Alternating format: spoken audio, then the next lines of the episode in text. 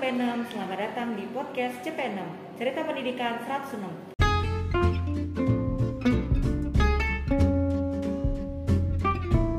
Apa kabar nih Sobat CP6? Aku harap teman-teman dalam keadaan yang baik ya. Karena hari ini kita kedatangan tamu yang spesial loh. Oh iya, kenalin aku Kalista yang akan menemani kalian dari awal hingga akhir podcast ini. Seperti yang sudah aku bilang tadi, kalau di episode kali ini kita kedatangan tamu yang spesial yaitu dosen desain grafis Mbak Dwi Agnes Natalia Bangun SDS MDS. Selamat datang Mbak di podcast ini. Iya, Terima kasih ya sudah berkenan datang menjadi narasumber di podcast ini. sama. Bagaimana nih Mbak kabarnya hari ini? Kabar baik, Kalista apa kabar? Alhamdulillah juga. Oh ya Mbak, kita mau nanya nih tentang pendidikan saat ini. Kan Mbak profesinya sebagai dosen nih, gimana tanggapan Mbak tentang ke materi aja ya. Oke, siap. Em, sebelum menjadi dosen, Mbak Agnes bekerja sebagai apa sih? Sebelum jadi dosen ya, jadi eh, saya tuh kerja sebagai desainer grafis. Jadi eh, kerjanya itu bikin desain yang mencetak ya, kayak misalnya eh, poster, tapi juga selain yang dicetak juga bikin video, animasi gitu sih. Jadi tempat juga jadi multimedia designer. Jadi seputar desain lah.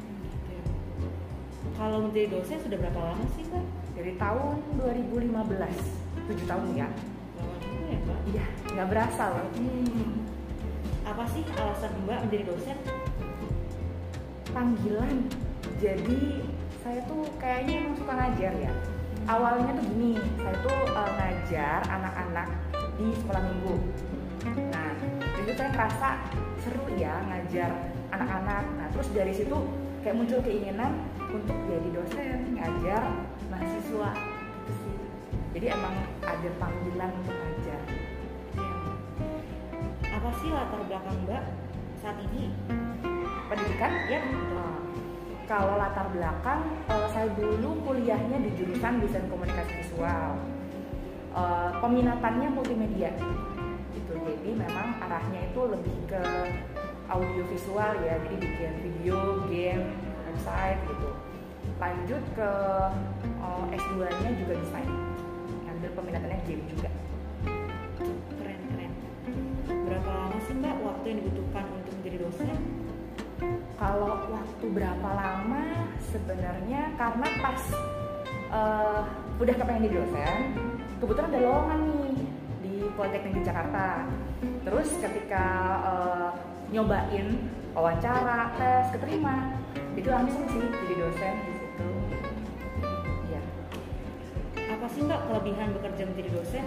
Eh, kelebihan ya kalau kelebihan tuh gini kita tuh kan kalau sebagai dosen kita tuh dituntut untuk selalu update ya Eh, dan kadang tuh juga ada mata kuliah baru yang dikasih sehingga kita kayak mesti harus nyusun juga rencana pembelajaran semesternya kita harus eh, eh, ada referensi buku-buku literatur sehingga ya belajar terus jadi dosen tuh baca buku lagi terus eh, harus apa ya harus up to date juga sehingga anak-anak yang kita ajar juga mereka dapat yang terbaik lah gitu jadi buat saya kelebihannya ya saya nambah terus nih wawasannya kayak ya selalu belajar lah gitu Gitu ya. kalau berkembang Ada nggak sih Mbak kesulitan saat mengajar di kelas? Kesulitannya kalau secara teknis eh, mungkin gini kadang eh, ada beberapa mata kuliah itu yang bareng nih ngajarnya sama dosen lain. Nah kadang menyatukan persepsi itu juga eh, butuh usaha ya.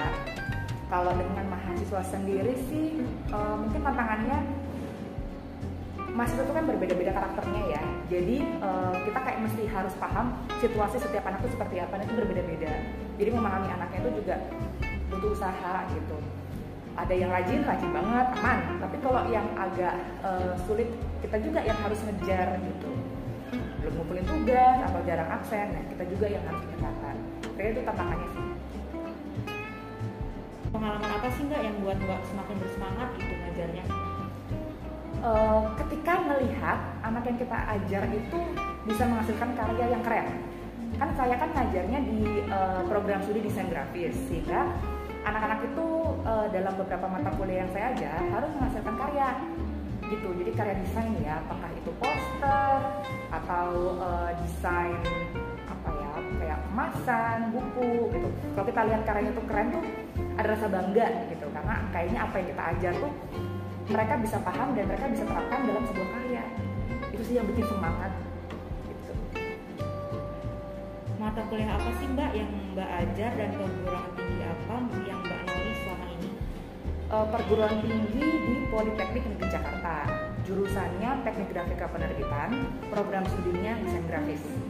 Kalau mata kuliah yang saya ajar itu ada pengantar desain grafis tipografi ada metodologi penelitian ada seminar. Sebelum mbak ngajar di PNJ ini mbak ngajar di mana sebelumnya pernah dulu di Universitas Kristen Maranatha di Bandung e, diperlukan keterampilan apa sih mbak buat ngikutin mata pelajaran yang mbak ampuh harus bisa gambar. Wah itu harus punya.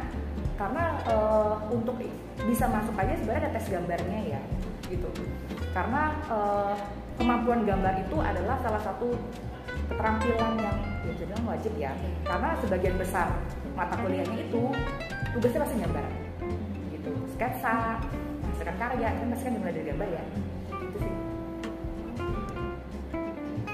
Dan ini sebelum mbak jadi dosen nih uh, pas masih sekolah mbak tuh suka gambar nggak sih? Suka. Memang diawali dari suka gambar komik. Tadi dari kecil suka baca suka baca komik terus ngeliat gambarnya tuh suka saya tiruin. Nah niru niru niru lama-lama jadi bisa.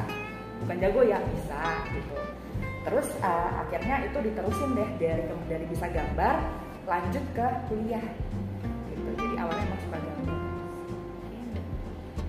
Ada nggak sih mbak dampak atau faktor yang terjadi di bidang desain grafis bagi masyarakat khususnya masyarakat Indonesia?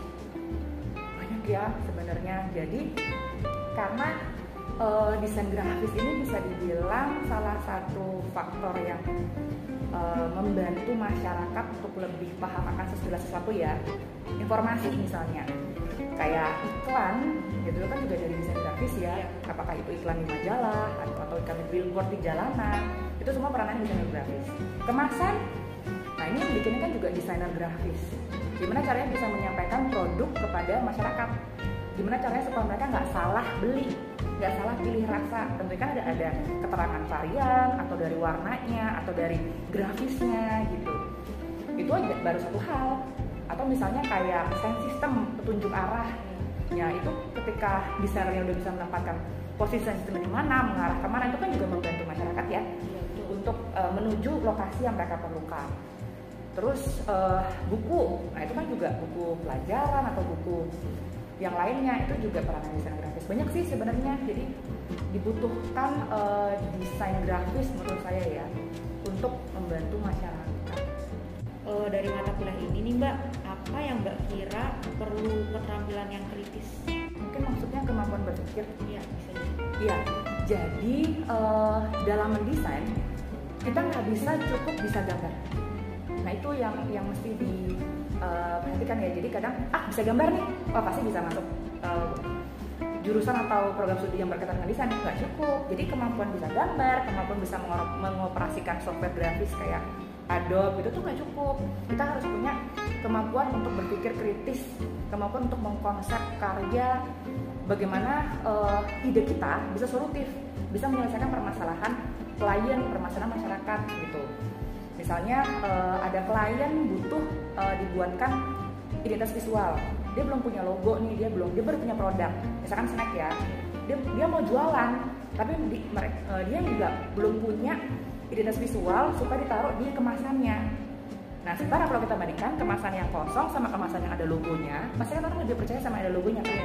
Nah tapi bagaimana cara membuat logonya itu supaya bisa memiliki daya saing jadi kalau dijajarin sama kemasan yang berlogo-logo lainnya, itu tuh menonjol, uh, menarik perhatian orang untuk beli, sehingga akhirnya dia dipilih di antara sekian banyak pilihan.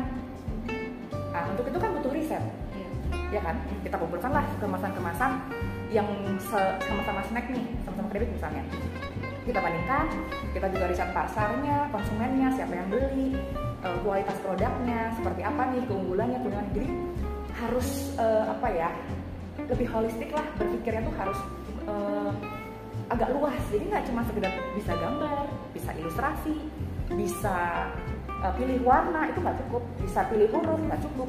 Tapi harus bisa bagaimana konsepnya itu tuh bisa menjawab permasalahan uh, klien bisa sesuai dengan kebutuhan masyarakat kira-kira kayak gitu. Jadi nggak uh, sekedar bisa gambar mbak gimana sih menurut mbak tentang pendidikan di Indonesia saat ini? Dalam lingkup perguruan tinggi? Ya nah sekarang ini kan kita itu kurikulumnya masuk ke MBKM ya Merdeka Belajar Kampus Merdeka. Tantangannya buat kami dosen adalah kami harus mengubah kurikulum supaya sesuai dengan MBKM tadi gitu. Sehingga hmm, antara mahasiswa yang semester 1 2 dengan 3 4 itu beda kurikulum. Jadi mata kuliahnya itu ada perbedaan kan? Gitu. Jadi uh, itu menurut saya tantangan ya. Tapi gini bagusnya itu sebenarnya ke arahnya mahasiswa ya. Jadi mahasiswa itu akhirnya bisa lebih eksplor ya karena mungkin karena memang arahnya merdeka belajar jadi uh, untuk mahasiswa sendiri itu mereka kalau saya perhatikan punya potensi untuk berkembang jauh lebih baik. Karena mereka nggak lagi uh, tergantung pada materi di dalam kelas. Tapi mereka bisa explore gitu ya. Kalau di dalam itu sistemnya student center learning lah. Jadi materi itu nggak cuma dari dosen doang mereka nggak cuma dengerin aja tapi mereka bisa cari dari luar juga gitu. Jadi uh, ada dua semester yang mereka tuh kuliah di luar. Dan menurut saya ini pengalaman yang bagus banget sih menurut mereka ya gitu. Jadi kalau menurut saya pendidikan saat ini ya kalau memang bisa dijalankan dan uh, semua sistem mendukung bagus sih. Gitu ya ke depannya sih baik. Asal nggak diubah-ubah. Soalnya ini kalau saya perhatikan kan setiap ganti menteri ganti kurikulum tuh. Iya, betul. capek banget. Jadi ganti ganti kurikulum lagi gitu menyesuaikan diri lagi gitu. Ya mudah-mudahan sekarang sih dijalankan terus ya. Jadi kita bisa lihat outputnya tuh sebenarnya kayak apa sih nggak sih mbak buat pendidikan di Indonesia? Saran ya. Uh, saya mungkin dari beberapa uh, aspek ya. Pertama kalau dari mahasiswa ya. Hmm, untuk mahasiswa sih mereka harus bisa dengan cepat beradaptasi. Apalagi dengan situasi sekarang pandemi di mana kuliah itu ada yang online. Yeah. kalian juga yang online yeah. ya? Nah, berbeda sekali dengan offline tatap muka gitu. Jadi dari sisi mahasiswa mereka harus bisa mandiri mempertahankan uh, apa ya keinginan belajar meskipun online. Karena kan kalau misalkan online kan banyak ya godaan ya. Yeah. main game nonton drakor gitu kan. Atau nyambi ini itu ini itu.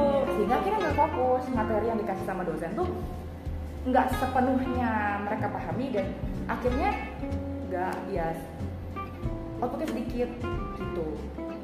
Jadi tantangan buat mahasiswa sih ya mereka harus uh, bisa mempertahankan semangat mereka untuk mau belajar. Karena semua itu dimulai dari diri sendiri. Kan musuh terbesar diri sendiri ya? Iya, iya gitu. Jadi kalau mereka tetap bisa uh, rajin mereka tetap sungguh-sungguh ikut uh, kuliah saya yakin prestasinya tetap akan bisa bertahan. Kalau dari sisi dosen uh, saran saya sih harus mau terus mengembangkan diri ya karena ada yang namanya zona nyaman kan? Kadang uh, ada beberapa dosen yang mungkin uh, udah berada di zona nyaman itu akhirnya ayo udah saya di screening cukup. Tapi nggak bisa karena kan tadi zaman tuh berkembang terus. Kalau mereka nggak bisa ikut uh, perkembangan zaman kuatnya ketinggalan. Ya kayak sekarang deh uh, karena online pakai Google Meet, Zoom gitu kan. Pakai e-learning kalau kami gitu ya. Kalau kalian pakai apa? Google Classroom. Google Classroom. Yeah um, berarti itu dulu karena e-learning ya e-learning. Jadi ya harus bisa tuh mengakses itu mengoperasi mengoperasikan itu gitu. Jadi harus bisa ikut uh, perkembangan teknologi terus mengupdate diri. Dan uh, tetap tadi ya kalau ada perubahan zaman harus bisa merangkul itu gitu. Jadi nggak hanya bertahan dengan pustaka-pustaka lama lah gitu tapi ngupdate dengan yang baru nggak sih mbak eh, perbedaan kondisi sebelum pandemi pandemi dan saat ini ketika pelan pembelajaran tatap muka beda banget. Jadi gini ya kalau saya tuh online anak-anak itu kan kayak selalu buka kamera ya. Iya. kalian juga ya? Iya, aduh itu bikin sedih sebenarnya. Jadi kayak lagi ngomong sendiri sih kalau lagi anak-anak nggak buka kamera. Beberapa sih buka ya. Tapi sebagian besar tuh enggak jadi kayak yang kalau dari saya tuh berasanya kayak ngomong sendiri. Saya nggak tahu mereka lagi ngapain ya di balik kamera. Tapi kalau tatap muka kan mereka otomatis di kelas ya? Iya betul. Gitu. Jadi mau nggak mau kan pasti ya kita dapetin perhatian mereka. Bondingnya lebih dapet gitu. Eh, apa yang nggak jelas langsung tanyain kan? Gitu. Jadi bisa langsung mm, interaksinya tuh lebih hidup kalau tatap muka. Tapi kalau online tuh terbatas. Kadang ada anak yang kalau buka mic atau buka kamera tuh malu ya atau nanya di chat malu gitu. Jadi akhirnya kurang hidup sih kalau saya ngerasa di online. Tadi saya tanya tuh sama anak-anak kerja kan tadi habis eh, bagi rapot istilahnya maksud deh kalau di kami. Saya nanya mereka tuh lebih senang mana? Pada sebagian besar jawabnya offline ya. Jadi eh, belajar di kelas. Karena ada eh, beberapa yang kalau mata kuliahnya teori mereka nggak mudeng gitu nggak mudeng dijelasin. Tapi kalau di kelas tuh mereka malah lebih mudeng dijelasin gitu itu sih sama sinyal Iya, nggak selalu bagus kan, gitu. Apalagi kalau lagi mati lampu, ya kan. Jadi kadang eh, gangguannya itu adalah sinyal eh, internet ya, sama perangkat, gitu. Jadi ada kadang eh, audionya tuh nggak jelas, gitu. Jadi itu sih yang sepertinya mengganggu proses pembelajaran ya. Jadi jadi nggak maksimal lah. Saya sih le- memang eh, kalau ditanya lebih suka yang mana, offline sih karena tadi ya bondingnya lebih dapet rasanya tuh kayak lebih nyatu ya. Tapi kalau online memang enaknya tuh kita eh, waktunya ya kadang kan bisa langsung atur untuk kegiatan lainnya ya karena karena online gitu. Tapi kalau misalkan nanti di kelas tuh agak terbatas karena tempat. Jadi misalkan mau ke mana-mana tuh agak terbatas. Tapi kalau sambil ngajar online habis itu mau rapat online bisa lanjut. Gitu sih. Mungkin enaknya itu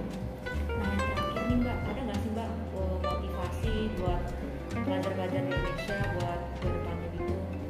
Pelajar SMA semua pelajar. Semua pelajar. Motivasi. Motivasinya adalah harus semangat belajar ya. Harus tetap eh, memberikan yang terbaik gitu. Karena kan sekolah itu bukan untuk orang tua. Sekolah itu bukan untuk menyenangkan orang tua tapi untuk diri sendiri. Untuk kalian gitu jadi kalau kalian belajar dengan sungguh-sungguh manfaatnya ke kalian kok. Kalau kalian belajar sungguh-sungguh pinternya itu ke kalian gitu. Yang berkembang itu kalian. Yang eh, mendapatkan manfaat ke depannya sampai masa depan tuh kalian. Kalau prestasinya baik pastinya kan bisa masuk perguruan tinggi yang baik. Kalau lulus dengan baik di perguruan tinggi akan mendapatkan pekerjaan yang baik. Kalau pekerjaan yang baik pastinya kan eh, berkah ya gitu. Jadi eh, semangat tidaknya kalian itu menentukan masa depan kalian sih kalau menurut saya gitu ya. Jadi kalau kalian kendor dari sekarang ya jangan harap dapat masa depan yang baik. Gitu. Jadi harus semangat belajar. Nah, terima kasih nih Mbak Agnes ya sudah mau berkenan datang ke podcast ini. sama. Eh, semoga apa yang Mbak Agnes sampaikan bisa bermanfaat buat kita semua ya. Eh, Nah, udah sampai nih di akhir acara. Gimana materi yang disampaikan Mbak Agnes ini? Tadi menarik banget nggak sih? Nah, apalagi buat kita yang sekarang sedang menjalani kurikulum baru. Aku harap yang tadi Mbak Agnes sampaikan bisa bermanfaat buat kita semua ya. Eh, maaf jika ada kata-kata yang kurang mengenakan. See you sobat Cepena. see you